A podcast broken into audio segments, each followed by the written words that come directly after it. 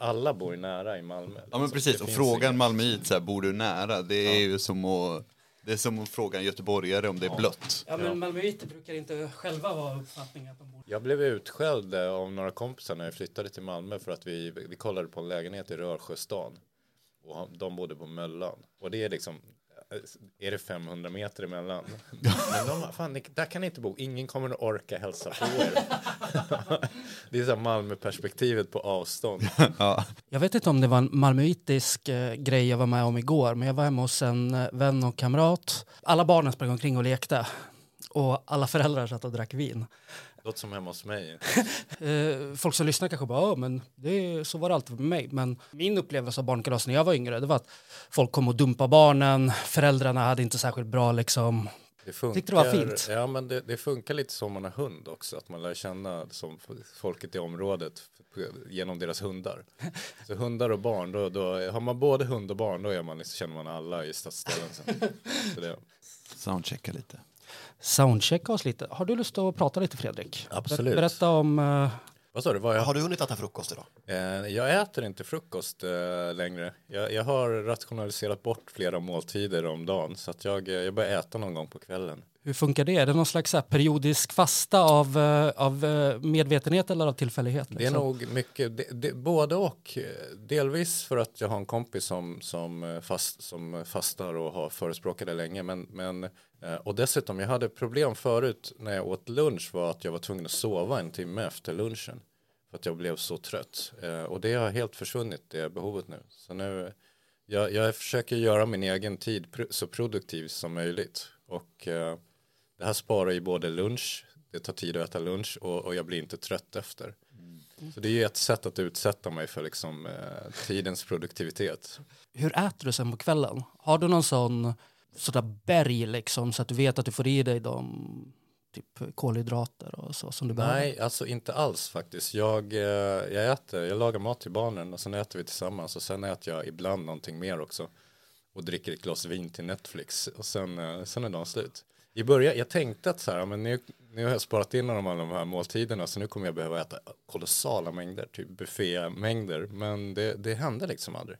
Det låter som en sån här, äh, vad heter det, så här, e- Epiktetos eller Epiktetos eh, rådgivning, den här gamla stoiken från Rom som är så här, eh, du behöver icke äta fyra måltider utan ett glas vin och ett gott bröd på kvällen Ja. så står sig en äkta man. Jag är, jag är helt inne på det spåret. Eh, Men om jag, inte, jag tror att jag har uppfattat att du tränar en del också. Var lägger du in träningen i din, eh, din, din dag?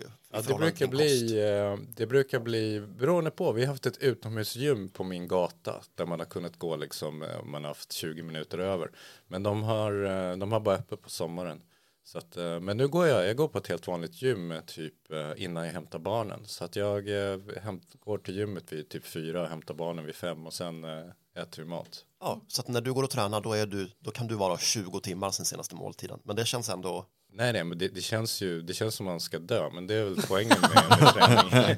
Jag är inte helt säker. Det är, det, det är lite det effekten jag vill ha ut av träning. Liksom. Att kunna slarva i övrigt med livet och ha känslan, liksom ens egen dödlighet. Det är som det där memet när någon, eh, någon eh, liksom lift, lift heavy stone, make sad voice in head någonting. Det är lite det. Man känner att man ska dö, så slipper man tänka på alla världsliga problem man har. interno.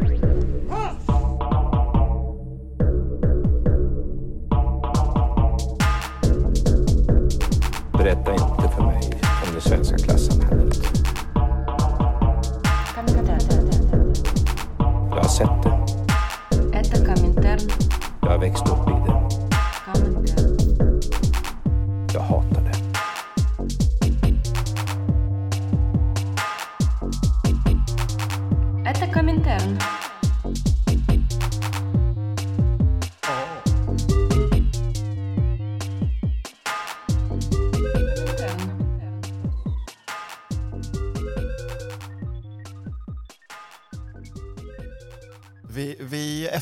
efterfrågade ju förra gången eh, eh, olika lyssnartips på hur du kunde inkludera teknik i din fysiska kropp.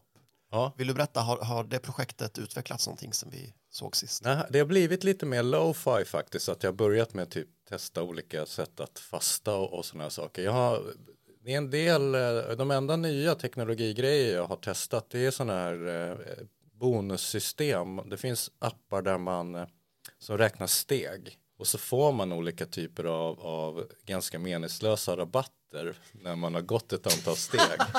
Så det, det är liksom en subkultur som jag eh, undersöker nu. Så vad kan man, eh, hur, hur kapitaliserar andra på det här och liksom vad händer?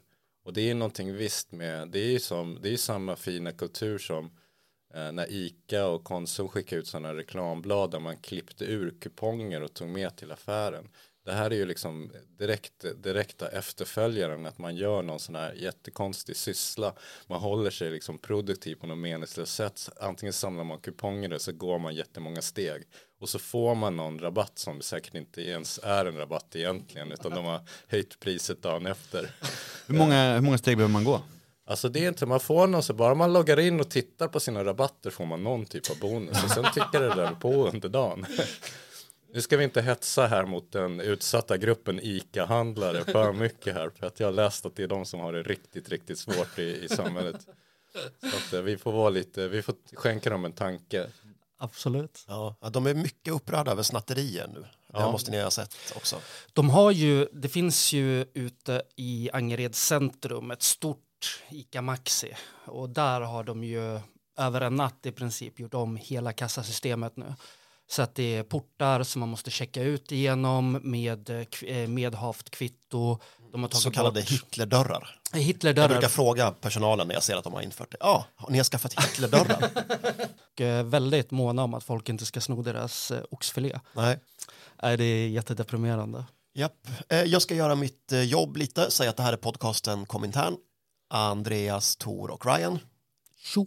Hallå. Vi är i Malmö och vi sitter här med Fredrik Edin. Yes, Du har ju varit med förut. Vill jag du är ändå... s- veteran här i, i podden. Det får man ändå säga. Vill du ändå säga helt kort vem du är? Jag är eh, medieforskare och journalist från Malmö kan man säga. Jag har jobbat med tidningen Arbetaren bland annat förut. Eh, nu ägnar jag mig åt eh, medieforskning. Eh, försöker involvera min egen kropp så mycket som möjligt och, och göra min tid så produktiv som möjligt. Precis, eh, sist så var du ju här just och pratade om din avhandling som handlade om, om tid eh, med eh, Triangeln och Centralstationen centralstationen här i Malmö. Så det var Yes. jätteintressant. Det, vi har fått bra feedback. Om man, vill gå till, om man inte har lyssnat så länge och vill gå tillbaka och höra så kan man lyssna på fredagsyoga och kriget mot kroppen. Bl- eh, bland annat. Och fredagsyoga och rakashak. Så, så var det.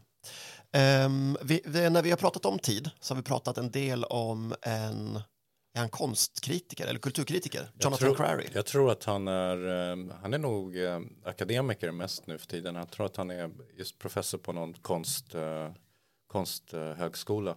För han har också intresserat sig mycket för tid. Ja, Och även för det digitala får man säga. ja. För det var förra året som han kom ut med den här boken som du och jag båda har läst va?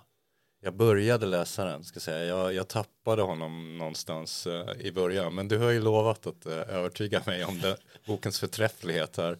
Så, Eh, Ja, eller så blir det tvärtom. Jag Ja. vet inte. För jag också, boken heter Scorched Earth, svedd jord. Ja, bränd, bränd, bränd jord är det väl på svenska. Och den, den kom åt mig. Det är ju en, en rasande kritik av eh, internet. Jag lyssnade ju på, precis nu innan så började jag lyssna på eh, när han är med i en podd och pratar om det här, om sin bok. Eh, Och jag är ju såld direkt. Alltså jag är ju, men jag är också mot, var motståndare till teknik generellt. Mot internet, mot eh, ja, teknik. Ja, och jag har ju eh, varit väldigt mycket för internet och, och teknik. En entusiastisk eh, användare. Men den här boken under läsningens gång så har jag känt mer och mer avsmak inför min egen internetkonsumtion. mm. Vi får se, jag kanske hamnar på någon bra mellanposition efter det här. Precis, det kommer vara en dragkamp mellan mig och Fredrik. Ja. Där, om luditen mot, eh, jag vet inte, jag vet inte vad motsatsen till en ludit.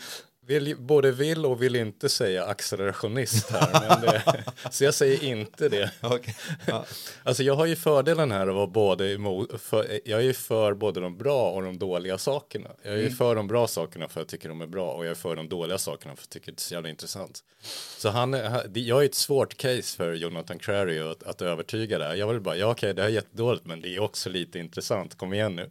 Jag förstår. Du är en bra, en bra, mot, eh, en bra motpol så att säga. Ja men precis, vi får se, vi får se liksom oss som två, de absoluta motpolerna på skalan här. Och kanske Nick Landon, en sån här tok-accelerationist, är ytterligare någon pol. Jag har verkligen ingen aning om vad ni pratar om, så det ska bli jätteintressant att, uh, att höra här och se vilken position jag ham- hamnar i. Jag säger på förhand, jag kommer vara futurist. Men eh, boken har tre kapitel. Ska vi vandra oss igenom dem och så får vi se hur långt... Eh... Jag gav upp någonstans på första, så att jag, jag är bara med det så långt. Sen, sen gjorde jag en notering någonstans att det andra kapitlet verkar intressant. Jag tar det någon gång jag orkar.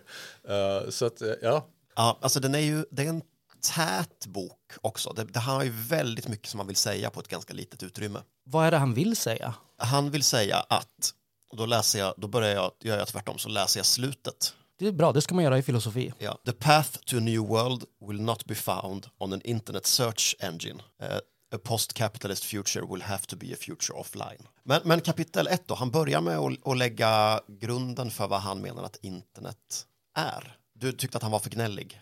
Ja, alltså, jag älskar ju hans eh, förra bok, den 24-7. Det, det är ju liksom en av de eh, mest... det, han är jättearg i hela boken på att liksom hela, hela dygnet har blivit eh, kapitaliserat och liksom allt man gör. Det finns liksom ingen tid som man inte liksom blir utsugen eh, mervärde. Eh, och han är jättearg genom hela boken och jag, jag älskade verkligen den ilskan. Och blev såklart glad när jag såg att han hade skrivit den här boken om internet. Jag tänkte nu kan man vara arg på något men, men det kändes som att han under den här perioden som har gått mellan böckerna gått från att vara liksom en arg rebell till desillusionerad boomer nästan. Det är så här, ja men man kan inte ha några äkta relationer på internet och man bara, men man bara kom igen liksom, finns äkta relationer. Och det är väl just det där liksom att internet ska är någonting som jag har störst problem med. Liksom, internet är ingenting, det kan vara skitdåligt och det kan vara lite mindre dåligt, men det blir liksom vad man gör det till och ett i ett kapitalistiskt samhälle så blir saker dåliga för att de är kapitalistiska. Så att internet i sig är ingenting. Det är det som jag stör mig mest på. Det finns någon sån här determinism i, i, i deterministisk underton nästan tycker jag som sipprar ut överallt liksom mellan raderna i boken att så här, ja men nu, är nu finns internet, då kommer det bli så här. Och man kan inte göra, man kan inte använda det till det och det utan bara det här och det här. Och det tycker jag är ett så här, nej men så är det- inte med någonting annat. Det är, de, de flesta saker suger på grund av att vi lever i ett kapitalistiskt samhälle, liksom inte på grund av sakerna i sig. Nej, nej och, och då, då förstår jag att, eh, att ni krockar du och Crary i första kapitlet. För han, det, han är ju väldigt tydlig med att, att han menar att internet skulle aldrig kunna vara, har aldrig varit och kommer aldrig bli någonting annat än det som det är nu. Nej. Det är någonting som är påfört mänskligheten i samband med en så omstrukturering av kapitalet någon gång, forcerat in i allas hem och som fungerar enbart för att upprätthålla det som han kallar för 24-7. Ja. Och, Kapitalism. så, och, och så är det ju med kaffebryggare också. Det är, det är liksom, ja, det är, jag dricker kaffe på morgonen för då kan jag liksom gå och eh, skapa värde på min arbetsplats. Men jag menar, jag kan dricka kaffe och göra någonting annat också.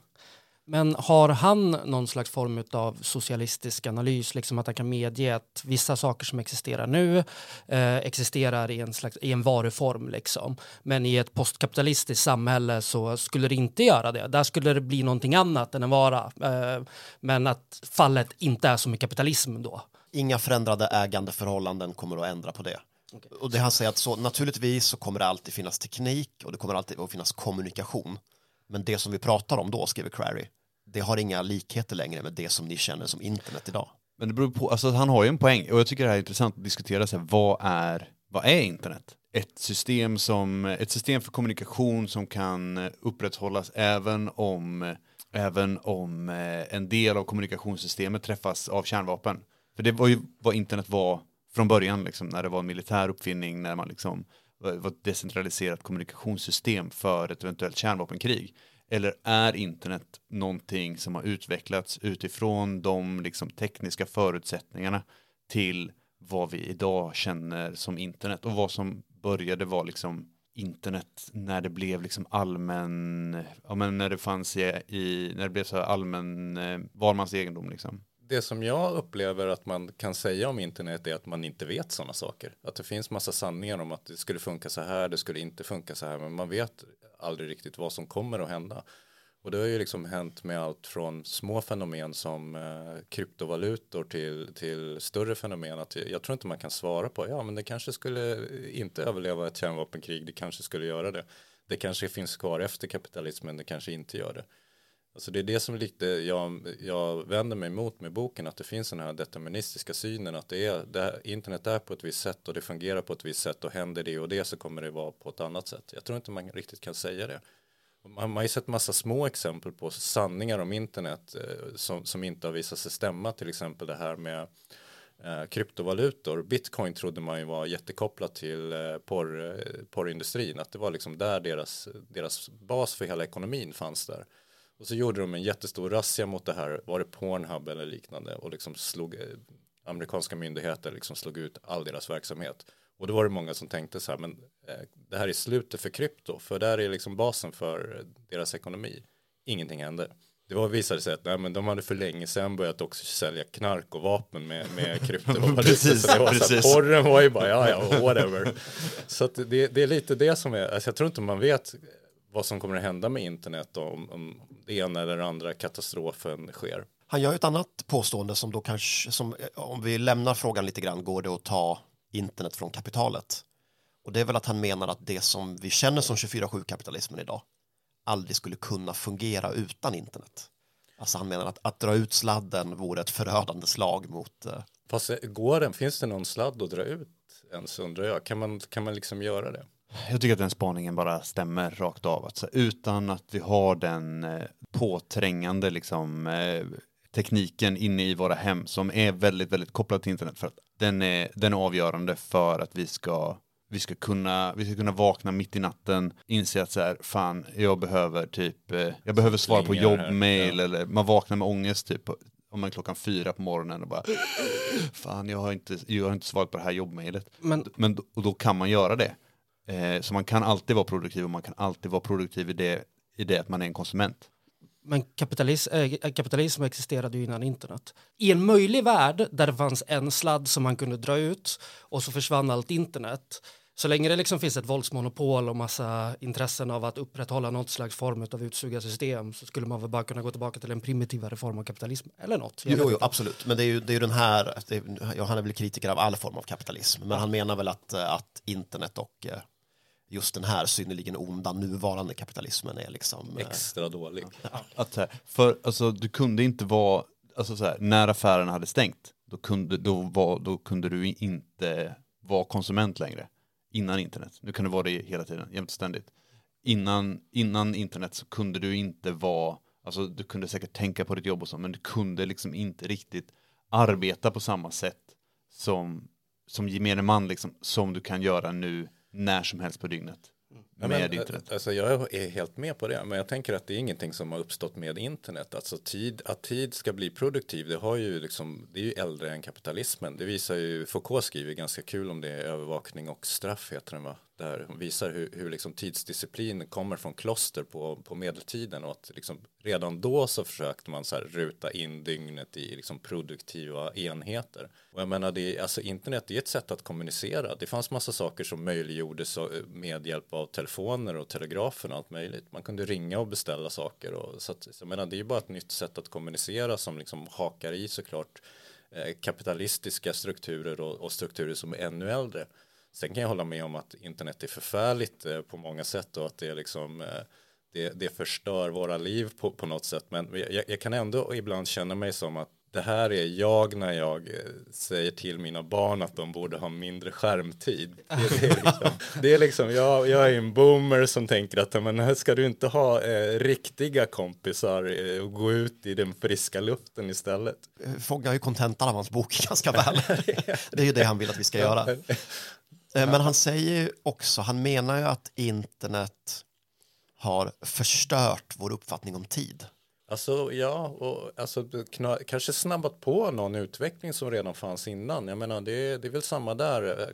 Telegrafen förstörde också, tåg, tåg, tåget förstörde också vår uppfattning av tid. Helt plötsligt så gick det jättesnabbt att åka till staden bredvid. Eh, telegrafen, man kunde liksom prata med någon nästan i realtid. Det kunde blippa iväg ett meddelande här som någon annan i en annan del av liksom jättelångt bort kunde höra ganska snabbt. Alltså det förstörde ju också tid. Liksom all teknologi förstör vår uppfattning om vad, vad vi då trodde var tid. Så att det, och jag menar det är ju det som är liksom, som jag tänker att så här, det är ingen skillnad på internet eller något annat sätt att kommunicera eller någon annan typ av teknologi. Den blir ju vad vi gör den till. Att den är för jävlig just nu beror på att vi eh, lever i ett kapitalistiskt samhälle och att arbets, arbetarklassen är svag. En annan, ett annat samhälle och eh, andra styrkeförhållanden hade gett ett annat, delvis annat internet. Det finns liksom inget inneboende som är jättedåligt med, med internet. Och jag menar det är ju, jag tänker att det handlar ganska mycket om, om samma sak som, vi pratade ju, vi hade en intressant diskussion om ICA-handlarna alldeles nyss, att det handlar väldigt mycket om så här, ja men eh, att slå fast någon typ av moral, att det är liksom, det är fel att stjäla, att det är det, det är liksom det är fel att snatta eh, oxfilé på ICA och det är fel att ladda ner saker på internet. Att det finns, det handlar snarare om att så här, slå fast, den stora kampen handlar snarare om att fa, slå fast någon, någon typ av arbetsmoral eller någon typ av ägandemoral. Att det är det som den intressanta eh, kampen handlar om när det gäller internet. en väldigt luddig position i det här känner jag. Men, men jag håller visst med vad du, vad, du, vad du säger, men det är att inte stjäla, att jag inte får stjäla nu liksom. Det flyttas fram hela tiden till att så här, men du får inte stjäla tid bort från titta på en skärm liksom. Du får inte stjäla tid och inte vara kontaktbar. Du får, alltså, jag har vänner som blir svinsura när jag inte svarar på meddelanden eller bara inte har telefonen med mig för att det är en sån den liksom tvånget att vara kontaktbar flyttas fram hela tiden. Tvånget att, så här, att titta på saker hela tiden flyttas fram hela tiden. Tvånget att liksom vara att ständigt vara, vara klistrad vid en skärm är, är liksom att tiden, att jag, inte, att jag inte kollar på min telefon, att jag stjäl tid från YouTube typ. Men, men Crary menar inte bara att det är ditt eh, nu som är förändrat utan han menar också att, eh, att internet har slagit sönder vårt historiska minne. Han skriver att eh, vår koppling till historien har ersatts med omedelbar digital stimuli befriat från den fysiska världens beständighet. Nothing is here to stay except microplastics, radi- radioactive waste and forever chemicals. Warhammer. Domedagsprofet är han. Men det, det känns ju som en eh, så här, eh, rimlig beskrivning av hur det är nu. Och eh, kanske så här svårt, att, svårt att vända sig mot eftersom internet används väldigt effektivt för, för konsumtion 24-7. Liksom. Men jag, jag, precis, jag tänker så att internet är ett effektivt sätt att, att, eh, att kommunicera och därför blir det så påträngande. Men just det här med att vara tillgänglig och sånt, jag menar, det är ju också någonting som är, som är väldigt mycket äldre än, eh, än eh, internet. Jag tänker på när eh, industrialismen slog igenom och eh, arbetsmoralen skulle liksom tryckas ner i, i arbetarklassen då var det väldigt mycket så här moralpredikningar om just tid att man alla sådana uttryck typ tid är pengar och sånt kommer liksom därifrån. Att man skulle inte ligga och sova för länge på morgonen och sånt där. Man skulle ta vara på dagen och, och sådana grejer. Så det enda som har hänt med internet är att det är ju effektivare att kommunicera ut sådana här saker. Och på så sätt är internet dåligt. Men det beror ju på liksom, som, som jag var inne på tidigare att vi lever i ett kapitalistiskt samhälle där, där man förväntas vara produktiv och att det, är så här, det, det går såklart att använda eftersom internet är ett effektivt sätt att kommunicera så går, är det såklart ett effektivt vapen i den här kampen men, men andra styrkeförhållanden tror jag skulle ge också ett helt annat eh, internet en helt annan typ av kommunikation Men det är också ett vapen som inte är vårt vapen. Alltså så här, det, är, det är ett vapen som, som inte funkar för oss i, i samma utsträckning som det funkar för, för den ägande klassen. Man, man har ju pratat om liksom i typ, ja men hur, hur man har gjort revolution på internet. Typ. Det var Twitter som låg bakom arabiska våren. Minns någon som uttalade sig var så bara, ja nej men de säger sig i Europa säger de att säga, ja, det var Facebook som gjorde att det blev revolution i Egypten. Bara, nej, det var inte så. Det blev revolution i Egypten för att vi brände ner alla polisstationerna. Eh, och det var det som var liksom den avgörande faktorn. Det är ju en fråga om så här, har internet revolutionär potential? Och det kan jag ju hålla med om att det inte har. Liksom. Eh, Nej, i sig har det ju såklart inte det, men jag tänker att de här människorna som brände ner polisstationer kanske hade bestämt att de skulle träffas utanför en viss polisstation inom Facebookgrupp, vad vet jag, men jag tänker att så här, nej, det är klart att internet i sig inte är revolutionärt, precis som det i sig inte är någonting dåligt som man inte kan använda till något annat än kapitalägarnas intressen. Så jag tänker att man får komma ifrån de där tankarna. Internet är ingenting och det spelade inte jättestor roll i revolutionen och jag tror inte att det spelar jättestor roll i kapitalismen heller. Jag menar, vi hade haft ett fruktansvärt kapitalistiskt samhälle utan internet också. Där håller jag faktiskt inte med dig. Alltså, jag tror att internet spelar väldigt stor roll i kapitalismen. På samma sätt, på, ja, men, som du var inne på förut, på samma sätt som att tågen spelade jättestor roll för både kapitalism och krigsindustri. Liksom. På samma sätt som att, eh, att tryckpressen spelade väldigt stor roll i kapitalismen så är det klart att internet i, som en effektivare kommunikationsmedel och en, eh, någonting som, vi, som gör oss beroende, no, någonting som, som liksom, eh, följer med oss hem att vi kan svara på jobbmail när som helst, att vi alltid är tillgängliga liksom, på ett annat sätt. Nej men absolut, alltså, jag, jag håller med dig, jag uttryckte mig nog bara luddigt där. Alltså, det, det är klart att det spelar jättestor roll, men det beror ju på att kapitalismen är stark. Precis som under industrialismen så var kapitalismen stark och då kan man använda tåg till att liksom, forsla arbetskraft och, och varor och, och så att det, det, internet är dåligt för att kapitalismen är dålig och kapitalismen är, är väldigt stark. Comintern. Vad, vad kan ni om blickspårning? Sånt där äh, med, som kollar ögon. Ja, precis. Man forskar på iris eh. Ah, är, ha- är det här sån, eh, vad heter det, kommer vi komma in på sån body language tolkaktig grej nu? Där Ja. man kollar där folk kollar, att ifall de ljuger. Eh, nej, ja, alltså det är jättespännande att du säger det, för att han är inne på övervakningssamhället lite grann. Eh, men han säger att, att vi har missförstått det. Att anledningen till att man lägger så mycket pengar på att studera ögonrörelser, kroppsspråk, eh, ansiktsigenkänning, i- det är inte den repressiva integritetskränkande, det är inte det som är huvudsyftet. Utan huvudsyftet är att kunna förutse ditt konsumtionsmönster, Ja, ja, optimera annonser. Sen allt det andra, det kommer på köpet bara. Men, men Crary menar att vi är arga på fel saker. Absolut, och det, det jag menar, eh, som det är nu, man, man eh, loggar in på Facebook och så får man reklam för någonting man precis har liksom, eh, surfat in på eller precis har köpt. Men jag menar, när man har på sig ett par glasögon som mäter ögonrörelser, då kommer de att ha liksom, extremt träffsäker reklam. Jaha, du blev lite upphetsad av den här brödrosten, här har du den här. Jaha, här reagerar du på någonting som du inte ens förstår själv, men du kan faktiskt, det här behovet som skapades undermedvetet hos dig kan faktiskt fyllas med den här produkten. Så det här är ju verkligen, där är jag inne på rätt spår. Jag tror att det var den delen som jag märkte, eh, som jag märkte upp i boken och så här, det här ska jag ta mig an när jag orkar med honom. Alltså det, så, och, och det har han ju helt rätt i. Och, och så är det ju med väldigt mycket av de här olika sakerna. Man tänker så här, övervakning, hindrar brott och sånt där. Men jag menar, alltså brott är ju liksom en, en produktiv sak inom, inom, inom kapitalismen. Jag tänker att så här, det är just sådana här grejer, att man ska kunna liksom slim, att man ska kunna trimma konsumtionen som det här kommer bli verkligt eh, användbart till. Det fanns en den här, det var ett rättsfall i USA för några år sedan när det var en kvinna som, som flög mycket, som klev av vid någon flygplats och eh, så började det helt plötsligt dyka upp reklam på skärmar med liksom hennes namn. Typ, Welcome to Chicago, Mrs Johnson. Eh, visste du att vi har rabatt på det här och det här? Och hon bara, vad fan är det här? Liksom, hur kommer det sig att de vet vad jag heter och att jag gillar att köpa sådana här grejer?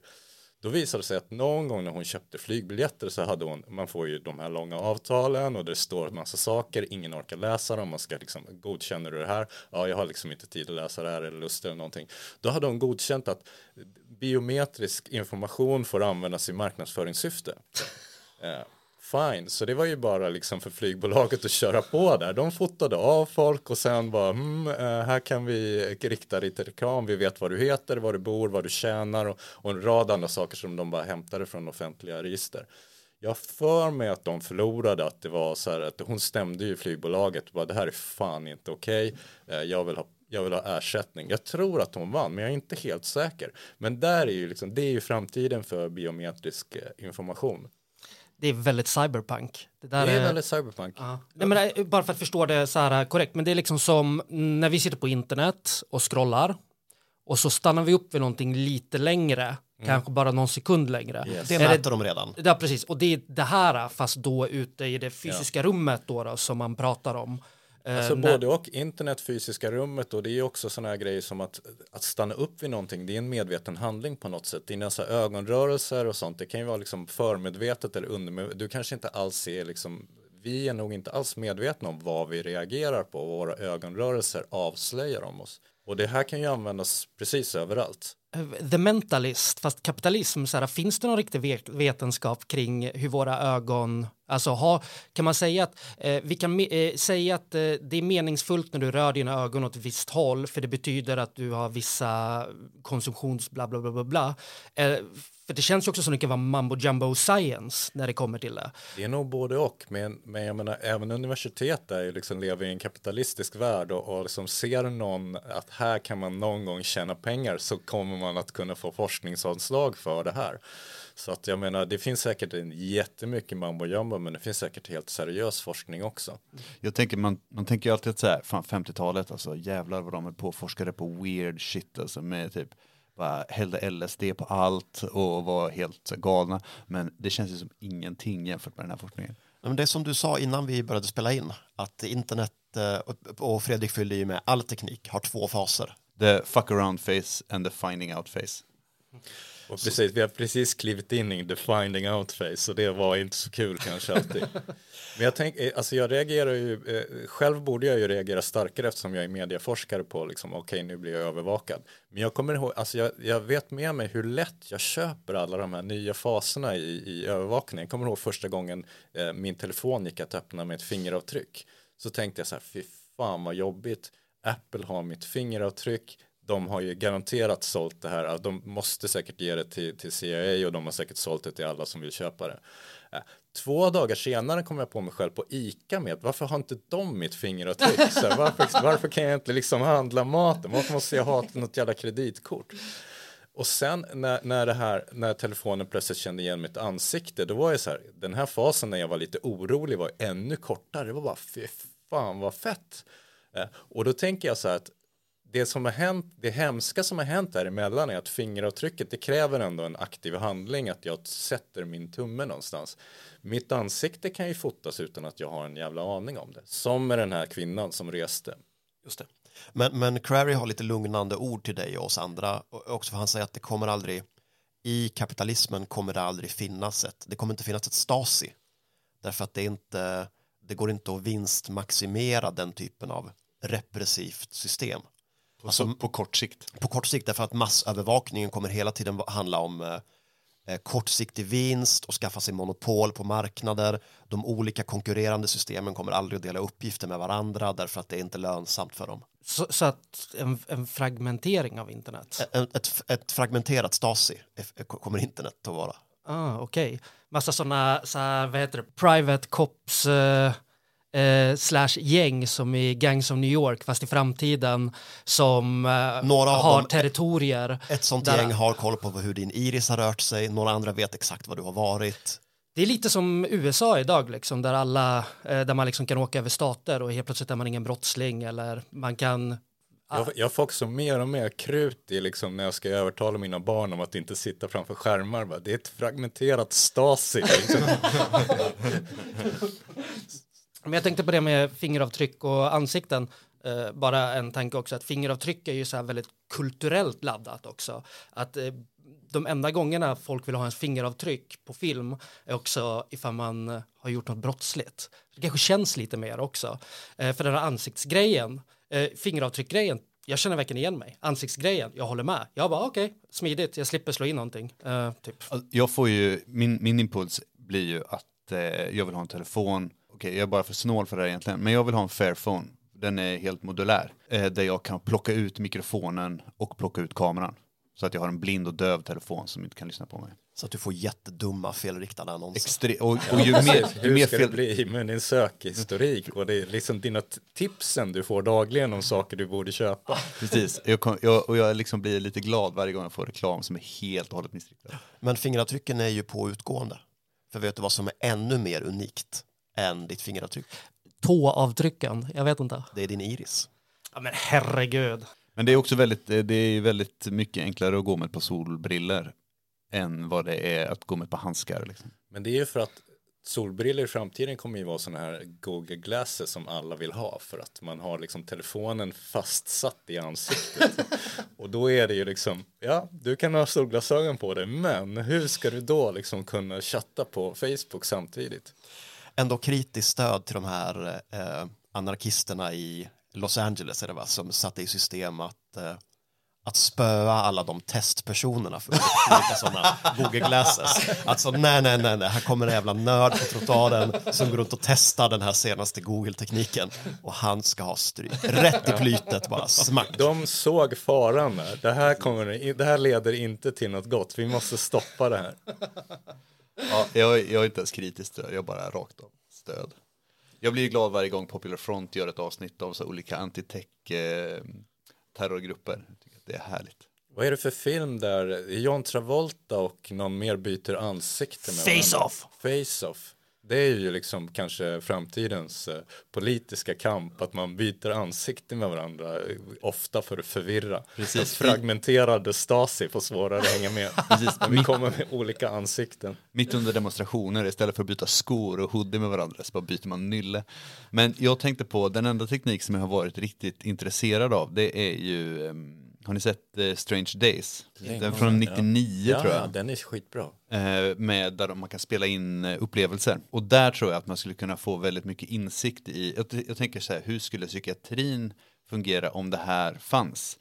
När man kan vara så här, när, om man har en upplevelse om att alla hatar mig, jag, jag, är- jag är värdelös, alla hatar mig. Och sen så kan man ta eh, upplevelser från någons, eh, från, någons, från den här personens vän och bara så man får se, se sig själv utifrån någon annan. Det kommer naturligtvis också bara användas rakt av som tortyr när man när de gör tvärtom. Att så här, man bara upp, får, får se upplevelser från någon som hatar den och så blir man tvingad att att se de här upplevelserna liksom i, i ja, men, fyra år i en isoleringscell. Liksom. Och psykoanalysen kommer helt att försvinna för det är bara att spela in en ny barndom liksom, som var på ett annat sätt. Man gjorde inte stora högar med bajs utan någonting helt annat och blev en annan person. Kanske kan köpa liksom, vad vill du, vem vill du vara idag, vilken barndom, här har du en barndom som passar. Det, Jag är lite sugen på, innan avsnittet där så sa du att eh, ja men du, du eh, har liksom varit, du har tagit lite internet, du är ju också vår internetkille i, i, i min umgängeskrets, du är väldigt duktig på det, men till och med du kände nu lite så här bara, ah, usch, ja jag vet inte, vad var det liksom, var det något särskilt som fick dig att tänka till? Ja, men han, eh, dels, han är en skicklig domedagsprofet eh, liksom, och han målar ju upp en gräslig bild av vår samtid som är så eh, isarna smälter, alla människor mår jättedåligt och är förvägrade genuina mellanmänskliga relationer. Eh, samtidigt sitter befolkningen uppe och streamar våldsam pornografi och bara så porrstreamingen i världen är till exempel dubbelt så mycket som hela Sveriges eh, växthusgasutsläpp på ett år. Alltså han målar upp en bild där internetkonsumtion blir någonting onödigt, äckligt och direkt eh, farligt det är lite som Sivert Öholm och hårdrock på 80-talet. Att så här, det, här, det här, så här kan vi inte ha det. Det är inte bra för de ungas moraliska fostran. De måste ha riktiga relationer och, och visa på uppbygglig kultur. Men jag tänker på det, när folk pratar om eh, genuina mellanmänskliga relationer så känns det väldigt ofta som att de pratar om sin egen ungdom, att de har goda minnen när de eh, hängde, de lärde sig nya saker att hitta på. För rent historiskt, om man ska titta tillbaka, så här, när kunde man ha genuina mellanmänskliga relationer? Var det när man bodde 20 personer i ett litet rum och alla gick och jobbade 12 timmar om dagen på eh, eh, på en fabrik. Hur, hur mycket tid, hur mycket energi fanns det att ha genuina relationer med folk? Var det liksom på det tråkiga 50-talet? Var det när vi var bönder mitt under 30-åriga kriget? Eh, det kom in armé efter armé och tog våra saker. När har den här funnits annat än som liksom egna upplevelser när man var ung och var i en fas av sitt liv. Det här med genuina mellanmänskliga relationer känns som någonting man kan, man kan lägga på väldigt mycket saker och säga att det här, det, det här är fel, det är därför vi inte har det. Det här är fel, det är därför vi inte har det. Vi kollar Ja, på mycket film. Varje generation har ju säkert sagt så. På min tid så hade vi liksom äkta relationer med varandra. Så det här, alltså jag tror att det är någonting som djupt eh, mänskligt att man tänker att så, det har funnits något äkta förut som man kan gå tillbaks till. Jag menar ju såklart att jag kan ha äkta mellanmänskliga ögonblick, till exempel på mitt arbete, som ju är så här. Ja. Men då är jag ju i kapitalets dominans. Liksom. Men jag kan ändå, ibland i sprickorna i fabriken så möts jag och mina kollegor som medmänniskor. Och det vill jag väl tro att det skulle kunna gå på internet också, men Crary menar att det gör inte det, utan internet är bara ett medel för marknadens dominans över våra liv. Eh, det var, jag såg ett ganska intressant YouTube-reportage om eh, VR-rum. Folk som byggde virtual reality-rum hade liksom servrar och så kom det in folk i det här rummet och alla kan vara med och hjälpa till och lägga till saker. Man kanske bygger en ö, man bygger ett hus tillsammans och sen så går de runt där i sina avatarer och umgås.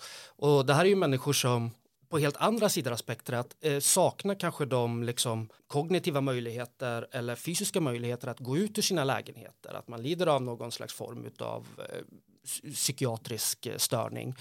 Men i det här rummet helt plötsligt så förverkligas eh, den här längtan av att få vara med någon. Och även om den inte är fysisk så är den ju social. Det är väl också plotten för filmen Avatar. Nej men jag menar sådana grejer fanns ju också innan internet. Jag menar, man, man, går på maskerad eller någonting. Man gör sig till en annan person och är i ett annat rum tillfälligt och har andra sociala re relationer. Så det är, det, och det är samma med allt annat. Internet har gjort det här effektivare. Och kanske just som du säger, det finns en någon poäng med det här är att folk som kan, inte kan röra sig fysiskt ändå kan vara med om sådana här saker. Mm. Och det med maskerader, det är ju plotten i Ice Wide Chat. Så. Just det. Läste ni om den här eh, drogen som någon pratade om att de höll på att utveckla som skulle göra så att det kändes att det gick hundra år? Så att man...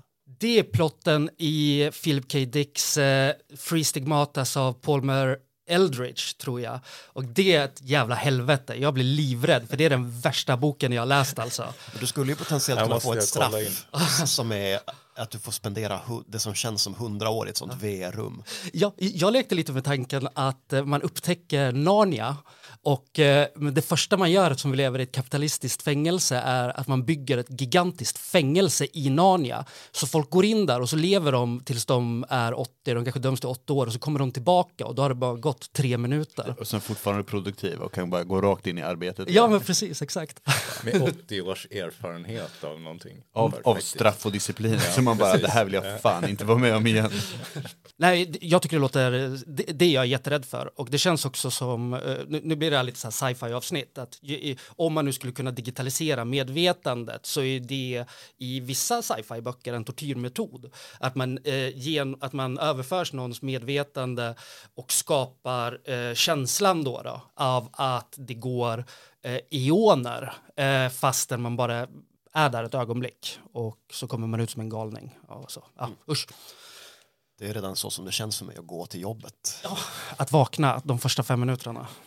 Alltså allt det här vi pratar om att så här, att, typ, man kan gå in och vara, vara social i ett rum med, med sin avatar, göra, göra alla de här liksom, virtuella lösningarna på olika saker. Ja men jag förstår det, för jag har ju sett dig försöka ladda ner en app. Ja, alltså så att jag förstår att det här virtuella rummet känns Helt plötsligt så är jag typ den, den jag, alltså ett spädbarn som inte kommer förstå någonting. Men, men jag har en ryggmärgsreflex av att det, att det känns djupt, djupt obehagligt för mig. Alla de här grejerna, att teknik är någonting som är, för mig är liksom, det finns väldigt lite möjligheter och väldigt, är väldigt skrämmande. Och det är en, liksom en, jag säger inte att det här säger alla, men det är liksom min direkta reflex av det. Liksom. Jag tycker att det kanske kokar ner lite till en, så här, en diskussion kring vad som är naturligt och vad som är onaturligt till slut. Då är vi tillbaka på en väldigt så här reaktionär Eh, diskussion av vad, vad är det naturliga, hur ska vi definiera det? Jo, men en naturlig tillvaro är när man till exempel inte har internet. Då kan ju någon alltid säga, ja, ja men är det naturligt att vi kan prata med någon på, med kopparlina som sitter i, i Washington, liksom. Bara så här, nej, men det kanske inte heller är naturligt. Och då så hamnar man i en ganska eh, meningslös diskussion rätt fort. Eh. Precis, men jag tycker att man ska undvika, eller jag eh, vill gärna undvika den. Jag har gått i den fällan många gånger liksom, eh, i min ungdom som så anarkoprimitivist. Men eh, så, att, så att det är inte någonting som jag är jätteintresserad av, så här, vad är naturligt, vad är inte, utan för mig är det mer en så en magkänsla liksom. Det blir väl kanske också semantik för att Crary vill ju gärna att vi ska ha den kopparlinan, eller så läser jag honom i alla mm, fall. Mm. Men han menar att kopparlinan som du pratar på nu, den ägs av kriminella karteller och sociopatiska miljardärer som dricker jungfrublod för att kunna leva för alltid.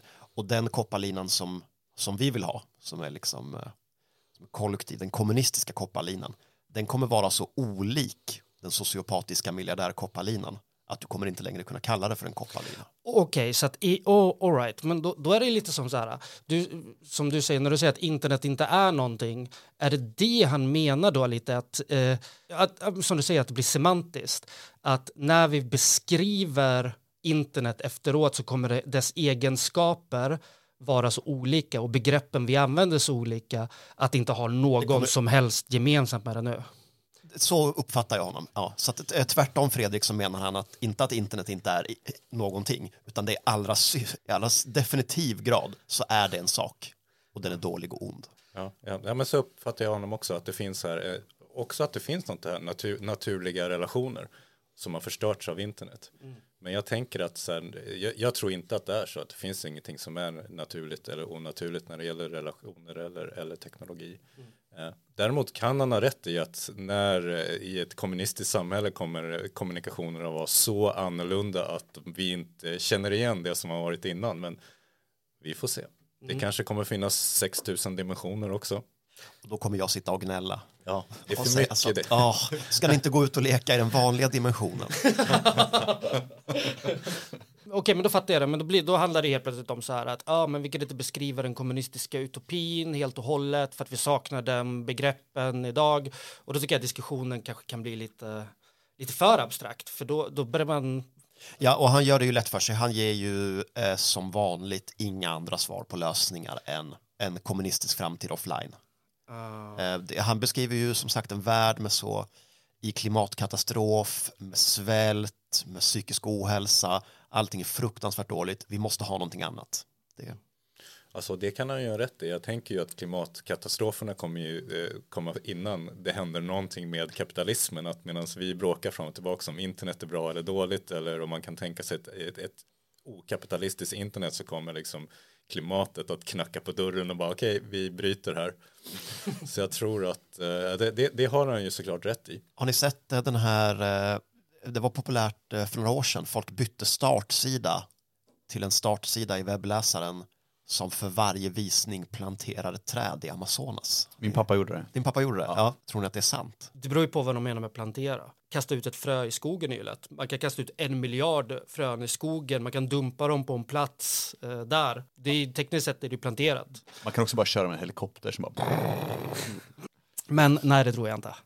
Jag tänker att syftet med hela den grejen var att man ska tänka lite på miljön och så här, man blir påmind varje dag om att det, det händer säkert något dåligt i Amazonas och eh, jag vill vara en motkraft till det. Sen om det verkligen hände eller inte, det kanske ledde till något annat gott. Det blev inte ett enda träd av de här fröna, men din pappa kanske gjorde någonting annat istället för miljön som man inte skulle gjort med en annan startsida. Eller så var det så att eh, istället för att göra någonting riktigt så känner man att ah, nu har jag gjort mitt när jag har Precis. in Jag har dragit mitt strå till stacken här genom att ha den här startsidan. Ja, på så sätt får man säga att internet fungerar väldigt bra. Jag blir konstant påmind om att det händer dåliga saker runt om i världen. Se, där har vi en möjlig eh, väg framåt som Crary inte har. Crary, alla vår, allas vår boomerpappa inte eh, utvecklat tillräckligt väl. Jag, jag älskar ju, jag älskar ju eh, tanken på internet och då menar inte jag det som en så här, eh, eh, fenomenologisk förlängning av vårt medvetande. Att vi kan uppleva andra saker på ett visst sätt. Saker känns inte annorlunda. Men det känns ändå som potential till en förlängning utav, av vårt intellekt. Liksom. För att jag menar, vi kan ju inte minnas alla saker samtidigt när vi tänker på någonting, utan vi måste plocka fram det. Och internet har ju den potentialen att vara det, och det är det på visst också, att kunskap är väldigt nära. Det som det handlar om i många fall är ju att försöka eh, äg, just nu så kanske det inte är rätt personer som äger kunskapen. Det vill säga att det finns historiska narrativ som presenterar saker som har hänt på ett felaktigt sätt och eh, massa, massa propaganda, kapitalistisk propaganda och sånt. Men om man liksom kan, kan få äga den kunskapen också i till exempel ett kommunistiskt samhälle så blir det som ett slags intellektuell förlängning av oss själva som vi alla delar dessutom. Och det tycker jag är så en väldigt fin, fin tanke.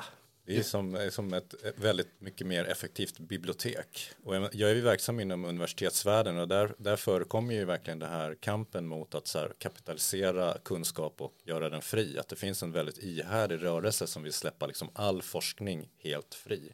Och som vi hela tiden blir nedstängd och, och får byta servrar och, och flytta runt sådär. Men det är ju liksom hela den här kampen i någon sorts så här, eh, mikromiljö.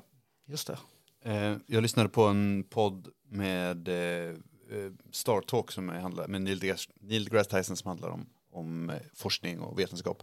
Och då var det någon som man intervjuade som pratade om att man skulle kunna med nanorobotar, alltså gränsen för mänskligt intellekt är liksom vår frontallob. Vår frontallob har en, en gräns i, i hur stort huvud kan man föda. Att så här, när, när det blir, alltså när man inte kan födas vaginalt längre så blir det liksom en, en begränsning i hur, hur intelligent man kan bli. Liksom. Eh, och då pratar de om att man skulle kunna injicera nanorobotar som gör att man, har, eh, att man är uppkopplad till internet med sitt medvetande. Det känns som ett väldigt hårt straff, tycker jag. Det låter inget vidare. Nej. Men det kanske kan finnas någon, någon möjlig utväg där också. Det, det är nog det värsta jag vet förresten med internet. Det är sådana techbro-lösningar på att man hela tiden exponeras för det. Eh, och att de här personerna ens kan... Alltså, eh, så, eh, jag, jag kommer att tänka på, vad fan heter han, eh, presidenten i El Salvador till exempel. Eh, som försökte omvandla eh, landets valuta till bitcoin. Jag är beredd att förinta, dra ut den metaforiska sladden för internet. Eh, bara för att liksom, de här jävla kräken ska försvinna. Eh, vet ni vem jag pratar om när jag pratar om honom? Ja. Jag har ett vagt minne av det här. Ja. Ja, och alla de här personerna som är ja, så kan man ha nanorobotar i hjärnan och vi kan eh, eh, våra problem är att vi inte har tillräckligt så här, artikulerade pannlober eller Jag, det jag svarar på det är ju bara ignorance is bliss. Så är det. Det var en timme Fredrik. Oj, Ja. tiden går fort. Det gick eh, fort. Jag Tiden tyckte, är produktiv eh, i Kominternpodden. verkligen. Ehm, vi måste dessutom hålla timmen för att vi ska ut ur det här rummet. Ja. Vi är inte välkomna längre. Men jag tyckte att det var skönt att få lite andra perspektiv på den här boken. Få eh, Det var jättekul att vara här. internetfraktet lite nerplockat eh, från molnet till bordet. Yes. Supertrevligt att du vill komma som vanligt. Ja. Alltid jätteintressant. Har du några sista ord? Vill du berätta något som du gör eller vill du komma med en uppmaning till? Eh... Ja, men jag vill som vanligt ha tips på hur jag, kan, eh, hur jag kan bejaka all ond teknologi på så effektiva sätt som möjligt. Så att är det någon som lyssnar och har en idé om att det här borde du utsätta dig för så tveka inte att höra av er och jag lovar att rapportera tillbaks till podden vad, vad det här leder till. Om ni inte hör av mig så vet ni det här var väldigt effektivt. Ja, kul. Jag tycker också eh, ändå, jag tycker värdefull läsning ändå, gnällig eller ej. Dryga hundra sidor, så det kan man... eh, det kan man Absolut, han är alltid kul att läsa och även om man inte håller med honom. Och det är alltid viktigt att utsätta sig för eh, perspektiv som inte är ens egna. Så är det. Vi tackar Malmö för den här gången. det gör vi. Tack så jättemycket. Hej, hej. Ha det!